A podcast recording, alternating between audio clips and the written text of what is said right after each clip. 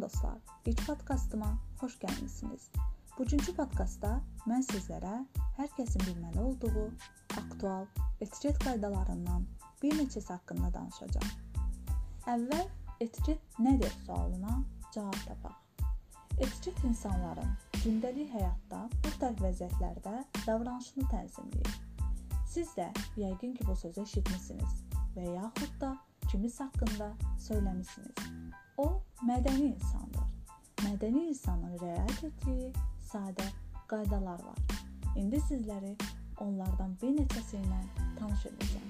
Birincisi. İndi söyləyəcəyim bu vəziyyətlə yəqin ki, siz də qarşılaşmısınız. Otağa sonradan daxil olan şəxs salam vermədən keçir. Və bu vəziyyətdə bir çox insanlar qarşı tərəfin salam verməsini gözləyir. Amma belə etmək olmaz.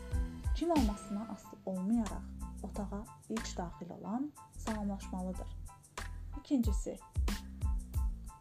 Yeniyetmə vaxtı evdəkilərlə indi məlumat verəcəyim etiket qaydası ilə bağlı tez-tez mübahisə edirdim.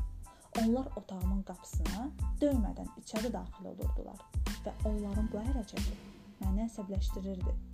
Fövqəladə vəziyyət yoxdursa, kim olmasına asılı olmayaraq bağlı qapını döymədən açmaq olmaz.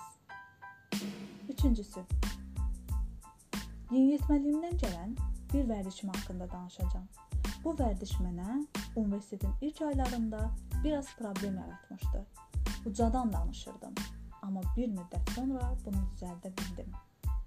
Çox bərkdən gülmək, səs-küylə danışmaq, insanları başdan ayağa süzmək olmaz. Bilirəm ki, bir çoxunuz söyləyəcəksiniz ki, biz bu qaydaları bilirik.